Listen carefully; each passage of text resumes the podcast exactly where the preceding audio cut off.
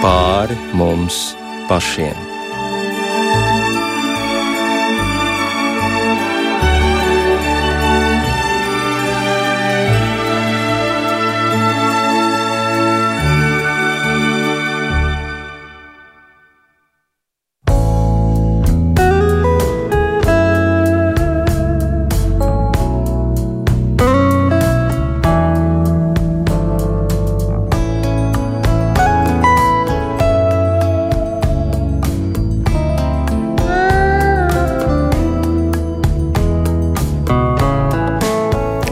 Esiet sveicināti! Ar jums runā Rīta Brunēvica, skaņu režijā šovakar Katrīna Bramberga.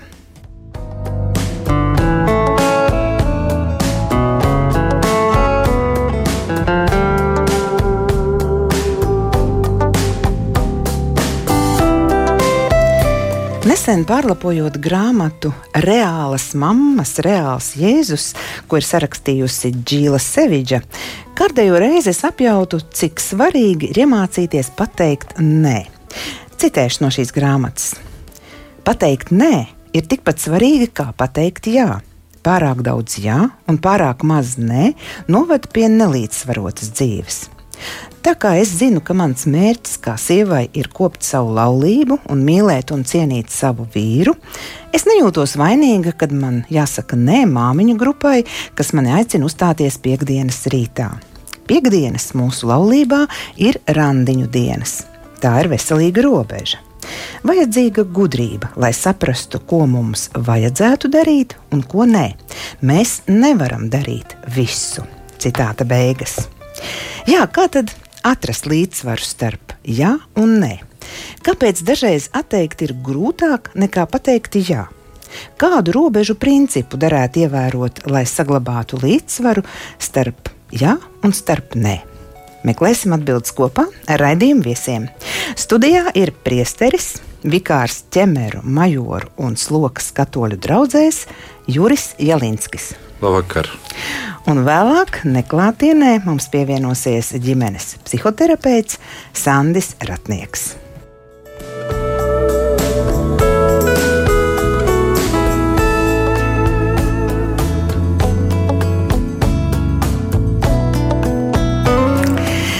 Runāt konkrēti, proti, jā un nē, kategorijās ir biblisks princips.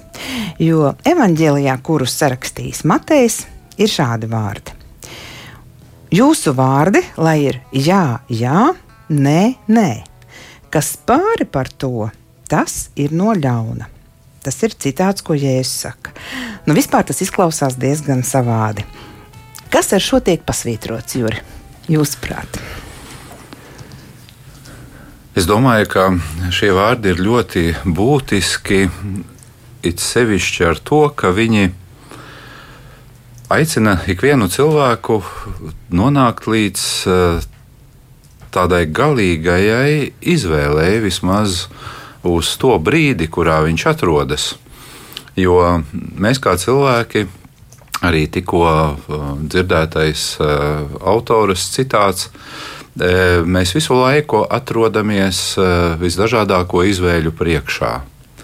Un šie Jēzus pateiktie vārdi mūs aicina soli pa solim, pakāpeniski nonākt līdz tam galīgajam lēmumam, kad mēs pasakām vai nu jā kaut kam, vai nu arī nē. Tā ir mūsu apzināta brīva izvēle. Protams, ka dzīve nav tikai, kā mēs zinām, baltā un melnā krāsā. Un e, mēs ļoti labi saprotam, ka e, mēdz būt arī e, dažādi kompromisi, kas arī ir māksla, ne tikai varbūt politikā, bet arī, arī mūsu pašu personīgajā dzīvē, lēmumu pieņemšanas gadījumos. Un, protams, ka reizēm nākas izvēlēties to zelta vidusceļu, bet eh, šie tomēr vārdi eh, no Mateja evaņģēlija, kurus tikko jūs rinta citējāt, viņi mums vairāk aicina tādās būtiskākajās lietās nonākt pie, pie šī slēdziena, ko tad es izvēlos.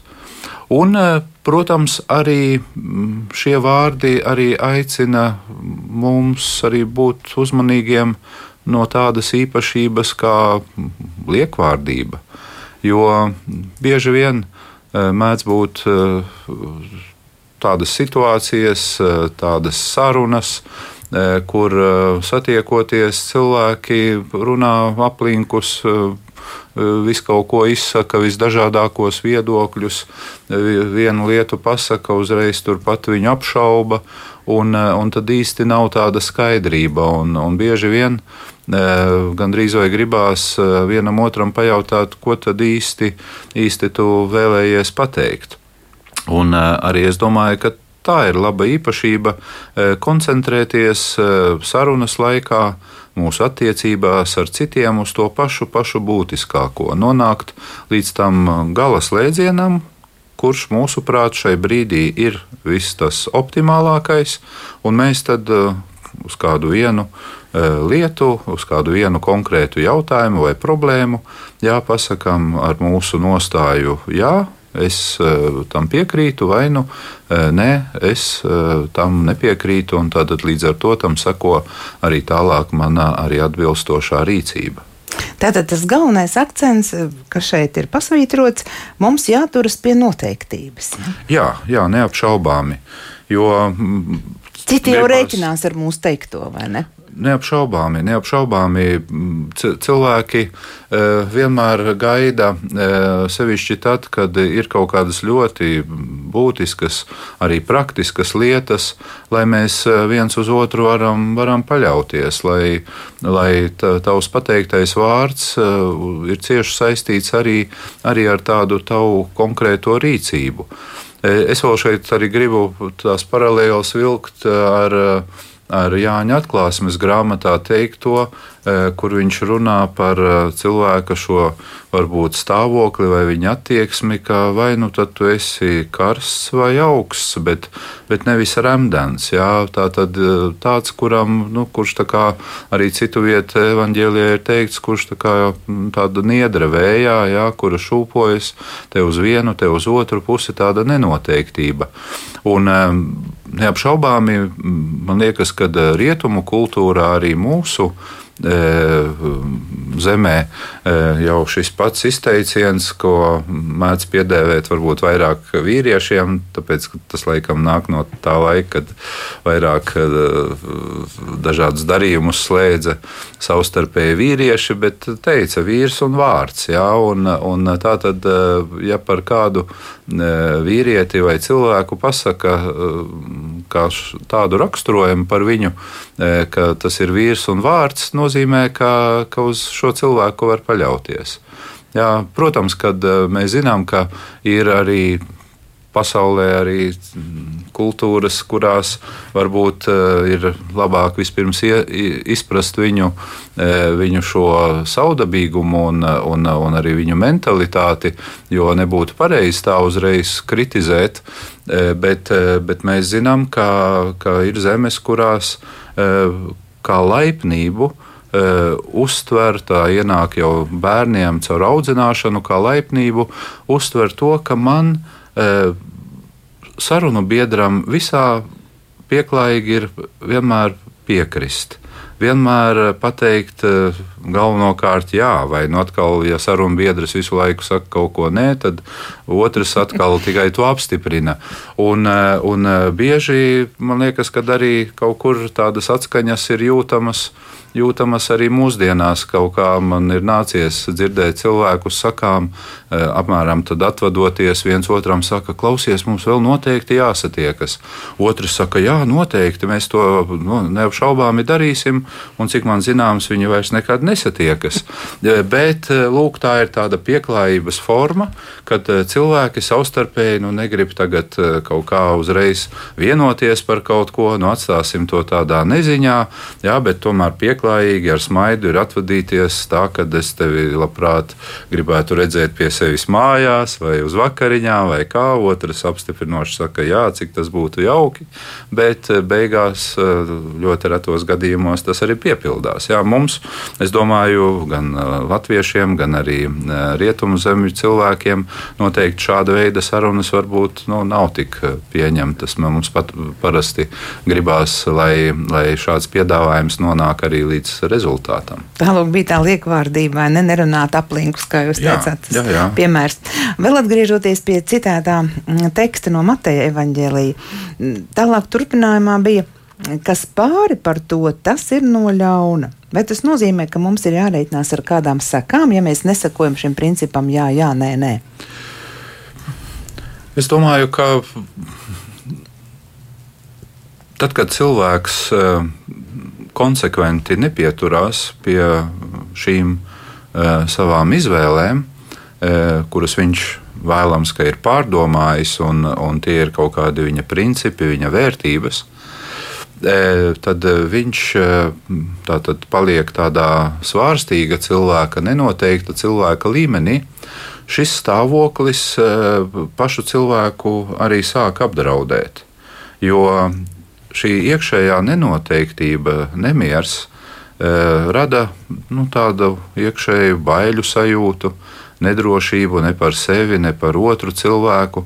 Un, eh, es domāju, ka eh, tādā nestabilā cilvēka iekšējā dvēselē arī tad var notikt visdažādākā nu, veida pamudinājumi, jā, kas, kas tad, nu, var beigties ar to, ka cilvēks novirzās pavisam no kaut kāda pareizā ceļa dzīvē, jā, jo, jo Dievs grib, lai mēs izdarām kā brīvi cilvēki cilvēkam cienīgu izvēli. Jā, jo lūk, šo brīvību Dievs mums ir piešķīris. Viņš to pirmais visaugstāk vērtē, un Viņš arī grib, lai mēs paši to novērtējam, novērtējam ar mūsu e, konkrētiem, e, stabiliem, vēlams, pareiziem lēmumiem.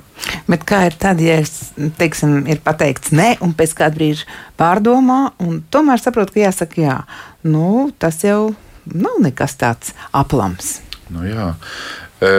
Es domāju, ka nevelti, laikam arī paredzot šādu cilvēka stāvokli vai, vai šādus gadījumus dzīvē, kurus mēs noteikti arī katrs pie sevis varam saskatīt un esam ar to sastapušies. Jēzus arī tādu īsu līdzību savā laikā minēja turpat Mateja evaņģēlijā. Viņš tur saka, ka vienam cilvēkam bija divi dēli, un Un tad eh, vienam viņš teica, nāc eh, strādāt manā tajā vīna kalnā. Vīna kalnā jā. un, un pirmais dēls atbildēja, ka nē, es neiešu, bet pēc tam evanģēlijā ir teikts, ka viņš to nožēloja un beigās aizgāja. Un savukārt otrs dēls uzreiz ļoti ātri, strauji pateica, jā, bet beigās rīcība tam nesakoja, neaizgāja. Un manā skatījumā, lūk, šis gadījums, šī līdzība mums ļoti skaidri pasaka to, ka katra izvēle, un it sevišķi nopietnāka izvēle dzīvē, kas mums ir jā, jāizdara, tā prasa mazliet vairāk laiku, lai apdomātos. Apdomātos ne tikai tā tīri racionāli, kas neapšaubāmi arī ir ļoti laba īpašība, būt saprātīgam, būt, būt tādam, kurš prot visu izsvērt, kas ir par un kas ir pret. Bet galvenokārt, un man patīk ļoti šie vārdi par šo vienu dēlu, kurš sākumā pateica nē, bet pēc tam nožēloja. Tātad viņš jau ielūkojās sevī dziļāk, ielūkojās savā sirdsapziņā. Un sirdsapziņa ikvienam cilvēkam ir dota, un šeit gribu pasvītrot ikvienam cilvēkam. Jo var gadīties, ka dažiem viņa ir deformēta, ir apklusināta vai, vai vēl kaut kā, bet ikvienam cilvēkam ir šī sirdsapziņa. Un pirms mēs izdarām kaut kādu uh, lēmumu, pieņemam kaut kādu lēmumu, ir ļoti svarīgi, ka mēs cenšamies uzreiz ietrenēt šo mūsu sirdsapziņu, lai ieklausītos tajā, jo sirdsapziņa nav nekas cits kā paša dieva uh, balss mūsos. Un pat ja arī Un šī līdzība arī brīnišķīga ar to, ka Jēzus pastāstot viņu, viņš pasaka, ka tas ir tomēr normāli, ka cilvēks reizēm kļūdās. Vai tas ir pārsteidzīgi, varbūt tajā brīdī viņam bija slikts garastāvoklis, vai kūtrums, vai, vai slinkums, vai ne, vēl nezinu, kas bija uznācis. Jā, un viņš ļoti ātri norēģēja un pasaka, nē bet viņš, šis dēls, mums tiek pasniegts kā labais piemērs, tāpēc ka viņš pēc tam maina savu viedokli. Jā, tā tad atkal tā ir brīnišķīga iespēja nevis tur, kur mēs esam pieņēmuši kādu lēmumu, ka mums pie tā stingri ir jāpaliek. Es domāju šeit par nepareizu lēmumu. Jā, bet mums ir eh, dota iespēja atkal ieklausoties sevī, savā sirdsapziņā, eh, to izmainīt. Un, un tas, manuprāt, ir, ir ļoti svarīgi, eh, it sevišķi šodienas pasaulē, kurā mēs dzīvojam. Jo es domāju, ka nevienam nav noslēpums, ka sabiedrībā, kurā mēs atrodamies, kurā dzīvojam, nu, daudzi atzīst, eh, tajā ir šī gan ētikas, gan uh, morāles jautājumu tāda relativizēšana. Jā, nekas nav pa īstam skaidrs, patiesība, kas tā tāda ir, vienam ir tāda, citam ir cita. Un uh, te ir ļoti svarīgi šādos apstākļos uh, tieši likt akcentu uz katra cilvēka, katra indivīda sirdsapziņas kopšanu. Jo tad, kad mēs e, ne tik daudz pievēršam uzmanību tam, ko citi saka, kā viņi rīkojas, un varbūt sekojam tam, ko citi dara, vai ka citi pieņem lēmumu mūsu vietā. Bet ir ļoti svarīgi, ka mēs tādās reizēs ar vien vairāk un vairāk e, liekam akcentu uz to, ko tad e, mana sirdsapziņa, dieva balss saka manī. Bet, protams, tas nav tik vienkārši arī tas jautājums, jo sirdsapziņa e, nav tā, ka viņa vienā brīdī uzreiz ir, e, ir gatava, ir, ir nobriedusi e, pieņemt visdažādākos lēmumus. Tur ir vajadzīgs e, visu laiku tāds pastāvīgs izaugsmes process, un tas notiek pateicoties tam, ka mūsu sirdsapziņa top apgaismota, apgaismota pateicoties Dieva vārdam galvenokārt mēs ieklausāmies to, ko Dievs saka gan caur svētajiem rakstiem, gan arī mēģinot skaidrojumus arī, arī rast šiem Dieva vārdiem, gan arī, protams, arī caur lūkšanu atveroties Dievu priekšā, jo dzīvē mēdz būt ļoti grūti lēmumi, kurus ir jāpieņem, Un, un tas, ka mēs pat šaubāmies, nezinām īsti, kā kurā brīdī rīkoties, tas pat ir nu, ļoti normāli, ļoti dabiski. Man pat gribētos teikt, ka ir kaut kur jābaidās no tiem cilvēkiem, kuriem dažu sekundžu laikā ir jau momentā gatavas atbildes, gatavi lēmumi uz visu. Bet, lūk, visu laiku ir, ir jābūt sevī šai gatavībai ieklausīties, ieklausīties, izvērtēt jā, un, eh, un tad pieņemt lēmumu un, un mainīt viņu, ja gadījumā viņš pirms tam bija nepareizs. Jā, un Dieva vārds mums arī izgaismo mūsu nu, praktiskās dzīves aspektus, ielūkosimies nedaudz Jēzus dzīvē. Eh, kur tad viņš saka nē, kādās situācijās? Iespējams, ka tas mums arī palīdzēs pieņemt lēmumu mūsu situācijā. Ja mēs varam tā salīdzināt vispār viņu ar savu dzīvi. Nu jā, te tomēr laikam. E, būs diezgan grūti. Vismaz vienmēr, kad es esmu tā domājis līdzi, vai es varētu līdzīgi kā Jēzus vienā vai citā gadījumā kaut kad pateikt nē un kaut kad pateikt jā tās norādes, jebkurā gadījumā, ir tie impulsi, tie ir jāņem vērā. Bet eh, zinot to, ka mana cilvēciskā daba vēl joprojām ir ievainota, es nekad nevarēšu ar tik lielu drošību, eh, kā to darīja Jēzus, eh, kaut ko konkrēti pateikt, vai kaut kādā brīdī, piemēram, savai mātei Marijai, mazliet atbildēt, e, ja tā var teikt, e, cilvēciski, varbūt nesaprotamā veidā. Ja? Kad vai tur Galilejas kānā viņš saka, nu, kas, kas man un tev, sieviete, jā, šajā gadījumā Jā, mana stunda ir, tad, kad nav māci. pienākusi, un, mm. un tāpat arī e, mēs redzam, kad bija viņš 12 gadu vecumā nozudis. Jā, arī tā atbilde, ka mēs ar bažām, ar, ar, ar Jāzepu, e, ar auģu tēvu tevi meklējām, jā, kāpēc mani meklējāt, man, bija, man ir jābūt tajās lietās, kas ir mana tēva, jā, tad e, mēs redzam, ka to laikam nu, Dievs ko pasaka, to mēs kā, kā cilvēki nevienmēr uzreiz varēsim saprast.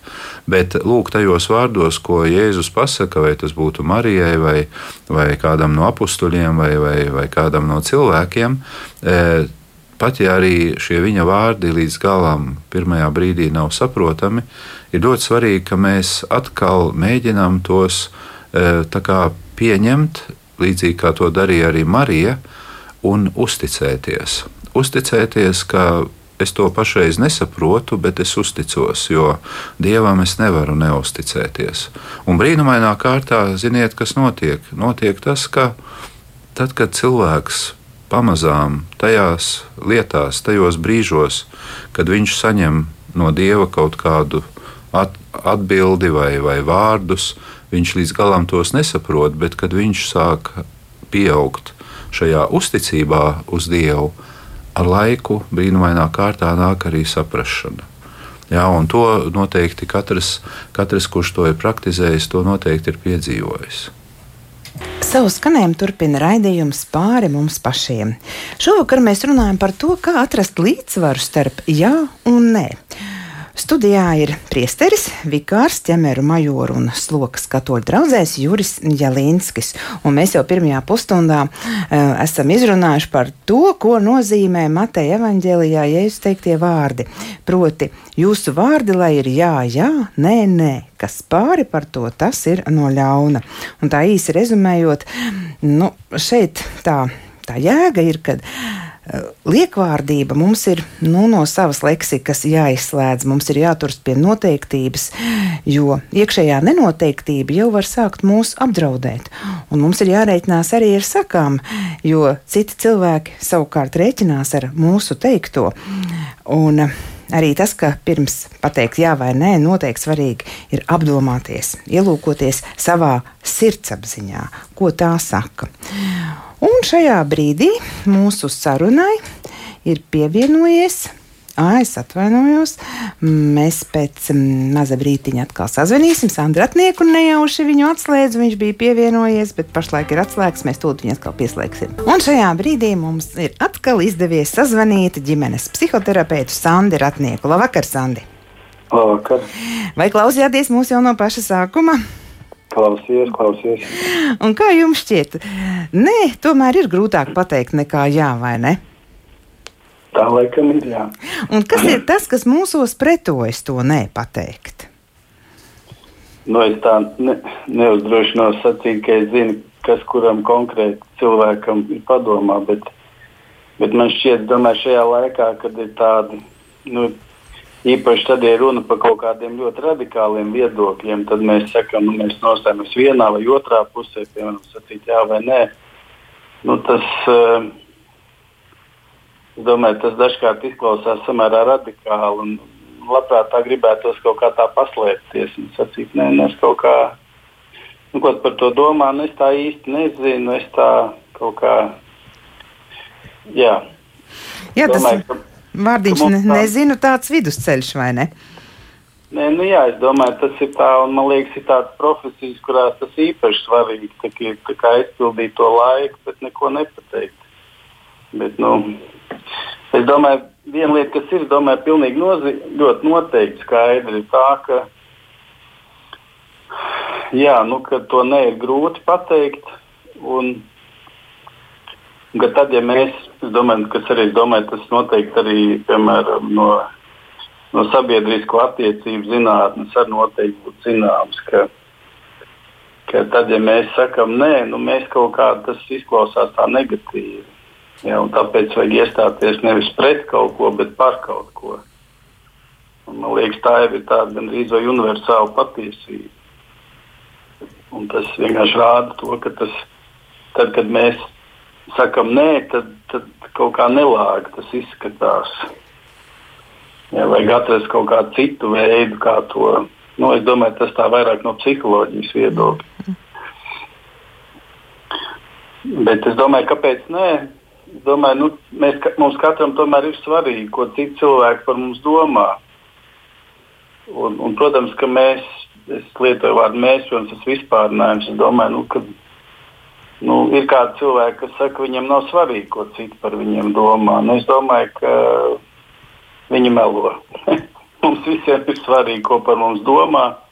Protams, ka mēs gribētu, ka par mums domā labāk. Un, un, un kādreiz pat labāk nekā patiesībā ir. Un tad, ja mēs sakam nē, tad mēs, eh, nu, piemēram, ja es saku nē, tad es neesmu pietiekami atsaucīgs, es neesmu pietiekami ieinteresēts. Un, un to cilvēku var negatīvi iztulkot. Nu, nevienmēr tas ir negatīvi, bet nu, tā to var saprast. Bet tā ir kā izpatikšana citiem, bet vai caur to mēs nepazaudējam paši sevi? Nē, nu, redziet, es domāju, tās ir tā, par šīm lietām kādreiz domāju, kad ir, tā, ka ir ass un ir tā, ka divi, divi tie pretstati un, un ir kaut kādas divas lietas, kas, starp kurām mums ir jāatrod tas vidusceļš. Un es domāju, tā ir taisnība, ka, ka mums ir kaut kādā veidā jāmācās saskaņot tās divas lietas. eh, Kas uh, Bībelē arī ir noformulēts, proti, mīlestība uz cilvēkiem un mīlestību uz sevi. Un var gadīties, ka tad, ja cilvēks ļoti, ja tā var teikt, ja viņš ļoti aiziet vienā vai otrā virzienā, ka tā, ka tā lieta, ka tā otra lieta paliek novārtā. Tādēļ man šķiet, tas ir tas grūtais uzdevums. Tā kā Mīlēt citus cilvēkus, bet arī neaizmirst par sevi. Jā mīlēt sevi, bet arī neaizmirst citus cilvēkus. Ja, bet to robežu tā ļoti grūti novilkt. Mēs vairāk tikai mums ir noslēgta tieksme kaut kur dreifēt vienā vai otrā galējībā. Nu jā, un arī tas, tas ne, nu, bieži vien izraisa vainas izjūtu. un, un tā ir tāda lieta, kas cilvēku nospiež. Un tāpēc vien mēs sakām to jā, jā, lai pēc tam nejustos vainīgi. Nu, kā jau mēs runājām pirms raidījuma, nu ar to jau laikam galā tikt arī nevar tik, tik vienkārši. No tās atbrīvoties nav receptes. Ziniet, domāju, tur viens cits aspekts, kā jūs man pieteicāt arī par ģimenēm speci kā speciālists. Es teiktu, ka es domāju, ka viens no tādiem uh, parametriem, kas liecina par veselīgām attiecībām ģimenē, ir tas, ka, uh, ir, ies, ka ir tāda pozitīva gaisotne, kurā cilvēki var domāt un runāt. Tātad viņi var runāt to, ko viņi domā. Var notikt tāda apmaiņa starp dažādiem viedokļiem. Bet, protams, ar nosacījumu, ka tas notiek ar tādu mīlestību un savstarpēju cieņu. Un kopumā es teiktu, ka es nezinu, kā, kāda, nu, kuram ir tā pieredze viņa ģimenē, bet man šķiet, ka domāju, daudz cilvēki ir izauguši ar to domu, ka, ka tad, ja viņi pateiks, ko viņi domā, nu, ka viņus nesapratīs. Un, un viņi iespējams ir mēģinājuši to teikt. Un tādā veidā mēs bieži vien domāju, pieņem, ka kādi cilvēki tā ir iemācījušies, ka viņi jau savā ģimenē ir iemācījušies, ka tas, ko viņi domā eh, un kā viņi jūtās, ka to iespējams citi cilvēki neuztver kā svarīgu vai nozīmīgu. Līdz ar to viņiem nākas slēpt to, ko viņi patiesībā domā. Un, protams, tad viņi saprot, ka tad, ja viņi, tad, ja viņi būs labi un paklausīgi, un ja viņi runās tā, kā visi citi grib dzirdēt, tad, protams, viņus pieņems. Bet nu, tas noved pie tādas atsevišķināšanās pašam no sevis. Un tas savukārt nav labi. Un tad var sanākt tā, ka cilvēks jūtas vainīgs. Viņš jūtas vainīgs kaut vai par to, ka viņam ir savas domas, kuras atšķirās varbūt, no, no vecāku domām vai no draugu domām. Nu, tā. Mm -hmm. Jurij, jūs uzmanīgi klausāties, ko, kur ir tā atslēdziņa tajā, kāpēc tad ne ir grūtāk pateikt nekā jā? Es pilnībā piekrītu tam, ko teica mācītājs Sandis. Un, es domāju, ka mums ir jābūt uh, citus cienošiem un arī izvēloties nezinu, izteiksmes formu, mēģināt vairāk tā pozitīvi sarunu vest ar otru cilvēku. Bet skaidrs, ka mēdz būt situācijas dzīvē, kur mēs nonākam arī pie grūtu, sarežģītu, citreiz sāpīgu jautājumu risināšanas. Un e, šeit, manuprāt, lūk, ir nepieciešams pieņemt vienā brīdī lēmumu, ka neskatoties varbūt uz manu līdzinējo pieredzi, ka varbūt es tiku nesaprasts, netiku uzklausīts, bet ja vienā brīdī tas ir vitāli vajadzīgs man pašam kā tādam, kurš sevi mīl un reizē arī otru mīl, tad man ir jāpārkāp kaut kam pāri un jāsāk par arī tām grūtajām lietām runāt. Runāt ne tāpēc, ka man kaut kas ir sakrājies, lai tagad izlietu to visu, kas ir sakrājies, bet tāpēc, ka es gribu padalīties.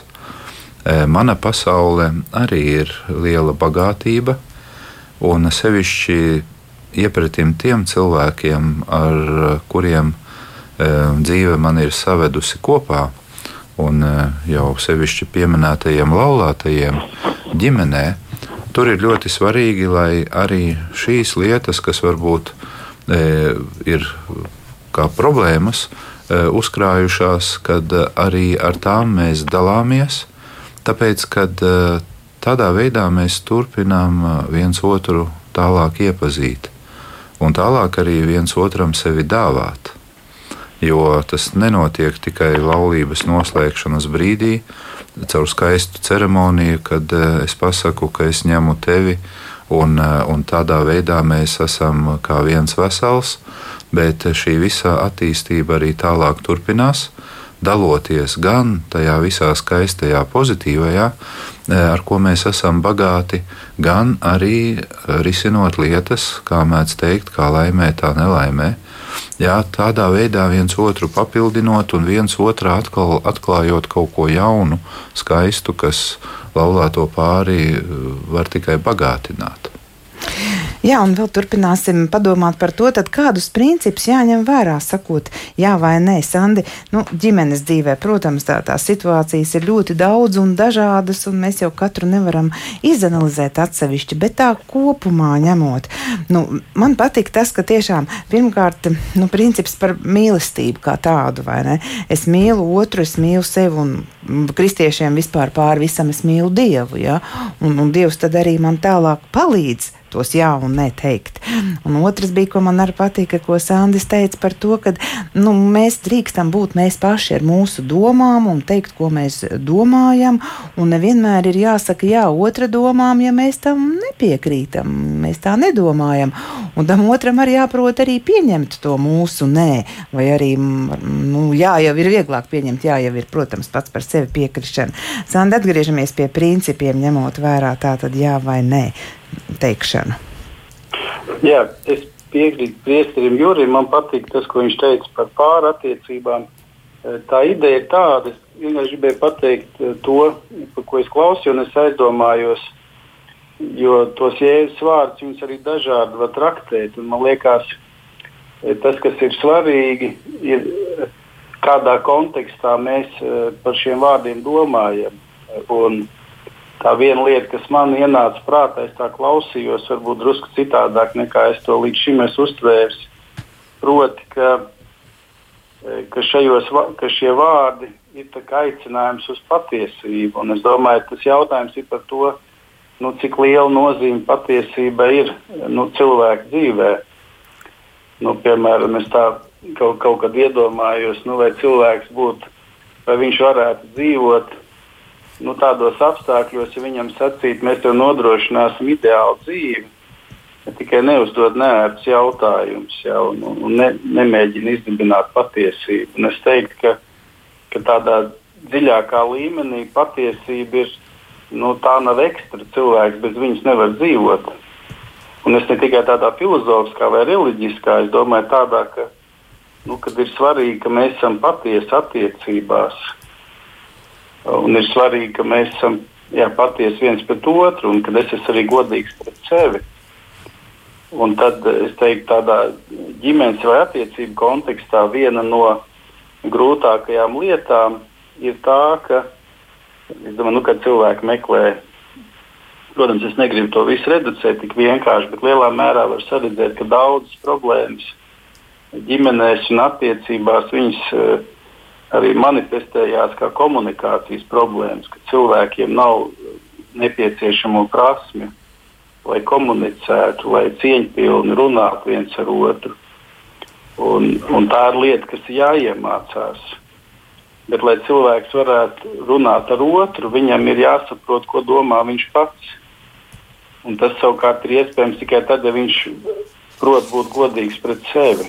Tā, es domāju, es vismaz vienu principu es teiktu, ka man šķiet tas ļoti nozīmīgs princips, ka mēs esam godīgi un patiesi pret sevi, un ka mēs esam godīgi un patiesi pret to otru cilvēku. Domāju, vai tas ir tiksim, mūsu vīrs vai sieva, kā kurā gadījumā. Eh, un, jā, un ka mēs spējam tās lietas izrunāt. Uh, tad, tad ir iespēja, un, protams, viens ir tas, ko mēs sakām, tur jā vai nē, bet, protams, vienmēr ir jautājums, kādā veidā tas tiek pateikts. Jo tam, kādā veidā lietas tiek pateiktas, tam ir ļoti liela nozīme. Jo var pateikt to jā, bet to pateikt tā ļoti nelaipni un, un, un jā, nu, neieinteresēti. Ir iespējams pateikt nē, bet, bet to izdarīt ļoti cienīgi. Ja, bez tā, nemēģinot citu cilvēku kaut kā aizskatīt vai pazemot. Tas ir kā princips, es izteiktu to principu, ka būt godīgam pret sevi, būt, būt godīgam pret citiem, eh, un tajā kontekstā arī skatīt šos vārdus. Mm, jā, nē, ir pateikt grūti. Tiešām tāpēc, ka mēs baidāmies sāpināt vai ne otru. Un tad, lai tas nenotiktu, mēs sakām to jā, lai gan varbūt nemaz to nevēlamies vai neesam gatavi tam. Un arī bieži vien, lai izvairītos no konflikta, vai ne? Jo, jo baidāmies, mēs varam otrus sadusmot pat, ja, ja nu gadās tāds niknāks cilvēks blakus. Vai ne arī tāpēc, vienkārši baidoties, mm, piekrīt un saka to. Nē, nu, redz, tas, tas, ir tas, tas ir tas stāsts, ko es pieminēju. Proti, ka, ja mēs esam iemācījušies savā izcelsmes ģimenē slēpties, slēpt to, ko mēs domājam, ka mēs turpinām šīs paslēpes arī citās attiecībās. Jo mēs domājam, ka tad, ja mēs teiksim to, ko mēs domājam, tad mūs nepieņems un nesapratīs. Ja, un tad, nu, protams, ka tas nē, tas ir tāds ļoti tāds ļoti tāds. Es domāju, es atceros, lasīju vienu grāmatu, un tur tā doma bija tāda. Protams, tur varbūt apakšā nav, nav e, zinātniski pētījumi tādā nozīmē, kur būtu tāda aptauja, kur kaut kādi simti vai tūkstoši cilvēku tiktu aptaujāti. Bet, tā bija viena psihoterapeite, kur no savas pieredzes sacīja, ka viņi ir ievērojuši, ka lielākā daļa cilvēku saka jā arī tad, kad viņi domā nē. Tas, protams, nav zinātniski pierādīts, bet nu, tas tāds pieredzē balstīts apgalvojums, es domāju, ka tam varētu piekrist. Jurim, ja mēs ielūkojamies rakstos, tie arī droši vien mums kaut ko saka par to, ka jādzīvo ir tā, tā kā tu domā, kā tu jūties, kāds tu esi, netēlo, nespēlē neko.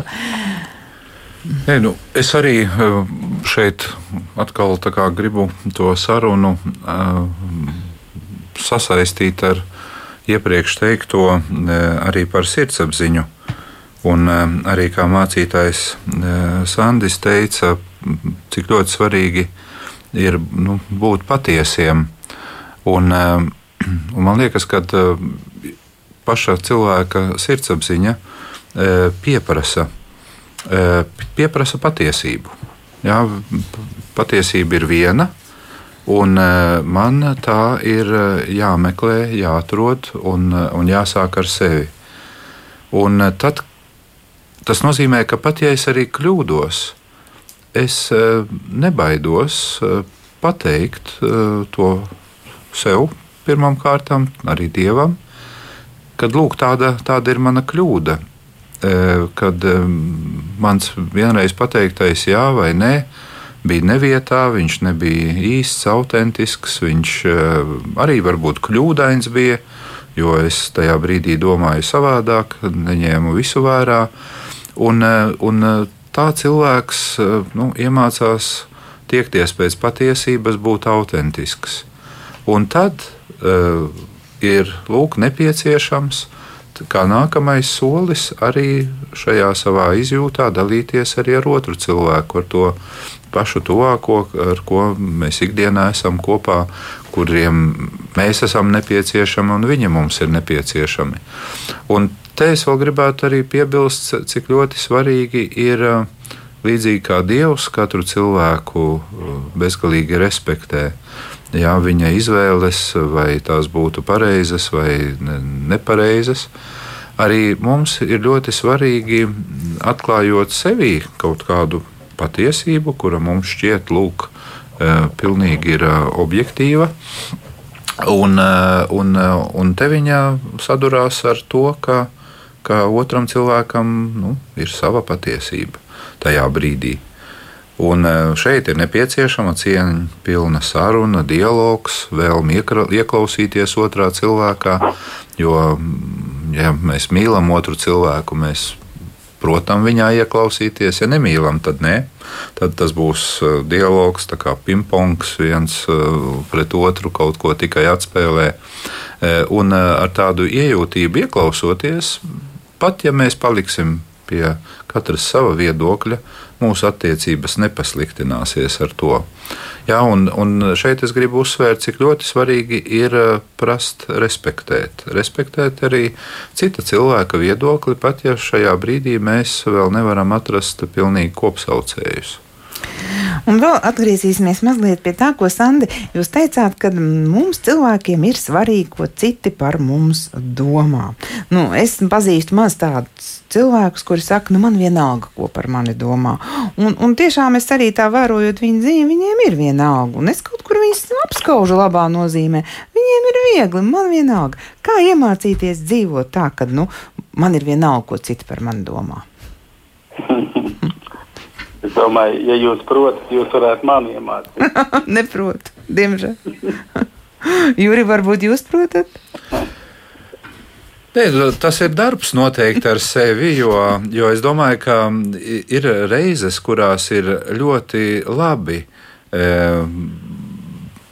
ka otrs cilvēks, e, nu, ka viņā rodas tāds, tāds labs priekšstats par, par tevi un tu arī centies, lai tāds būtu. Tā ir, man liekas, ļoti laba īpašība, e, kad mēs e, visādā ziņā, ārējā izskata ziņā, vēl kaut kā gribam iepriecināt otru cilvēku, un mums tas sagādā prieku, ka otrs par mani labi padomāja.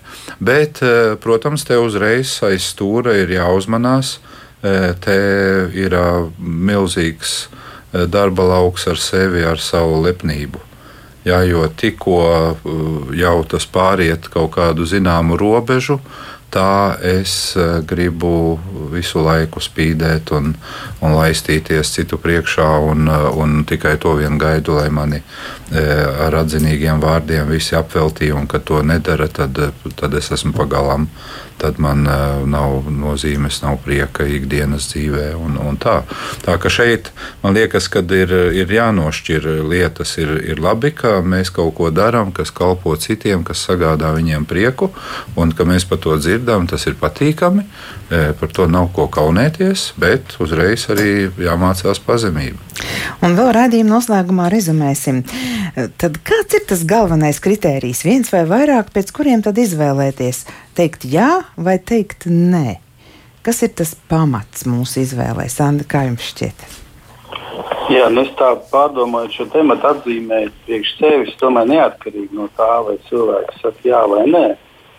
Man šķiet, ka šie vārdi, ja es vārdu rosinu mūs uh, domāt par to, ko mēs runājam. Jo man šķiet, ka domāt, ko mēs runājam. Jo kā bieži vien ir tā, ka es tā par sevi šodien padomāju, nu, laikam ir situācijas, kur mēlī ir mans ienaidnieks, kur tu pasaki kaut kādas muļķības, un tad domā, kā lai to tagad izlabo. Tātad, nu, es domāju, cilvēkam ir jādomā, ko viņš saka. Un, jā, un tad, un tad ir jārunā. Nevis ir jārunā, un tad jādomā, ko viņš ir pateicis. Man šķiet, ka ka, tā, ka Jēzus pievērš mūsu uzmanību tam, cik ļoti nozīmīgi ir tas, ko mēs sakām, lai kas tas būtu. Juri? Es arī uh, pilnībā tam piekrītu, ka uh, ir ļoti būtiski uh, vienmēr būt atbildīgiem, tad, kad mēs uh, esam kopā ar citiem, kad sarunājamies ar viņiem. Protams, arī tad, kad esam vienatnē, E, kad mēs iepriekš kaut ko izdomājam, e, ko mēs darīsim, ko teiksim, ka šeit ir ļoti svarīgi ne tikai tā paraudzīties tā vienpersoniski, tikai paļaujoties uz saviem spēkiem, uz savu pieredzi, uz kaut kādu savu pašanalīzi, kas neapšaubāmi ir, ir arī vērtīga.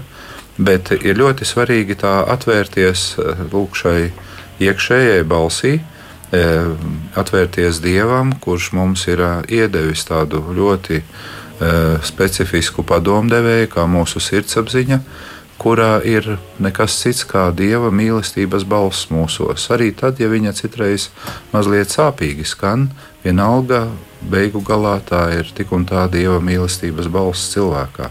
Un tad tiešām būs arī mazāk iespēja kļūdīties, jo mums ir kāds nu, stiprs pamats, Dieva vārds.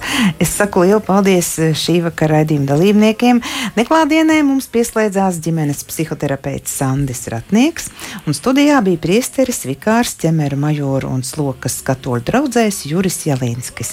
Raidījumu vadīja Rīta Bružēvica, bet par tā labskaņu rūpējās Katrīna Bramberga. Ar labvakaru!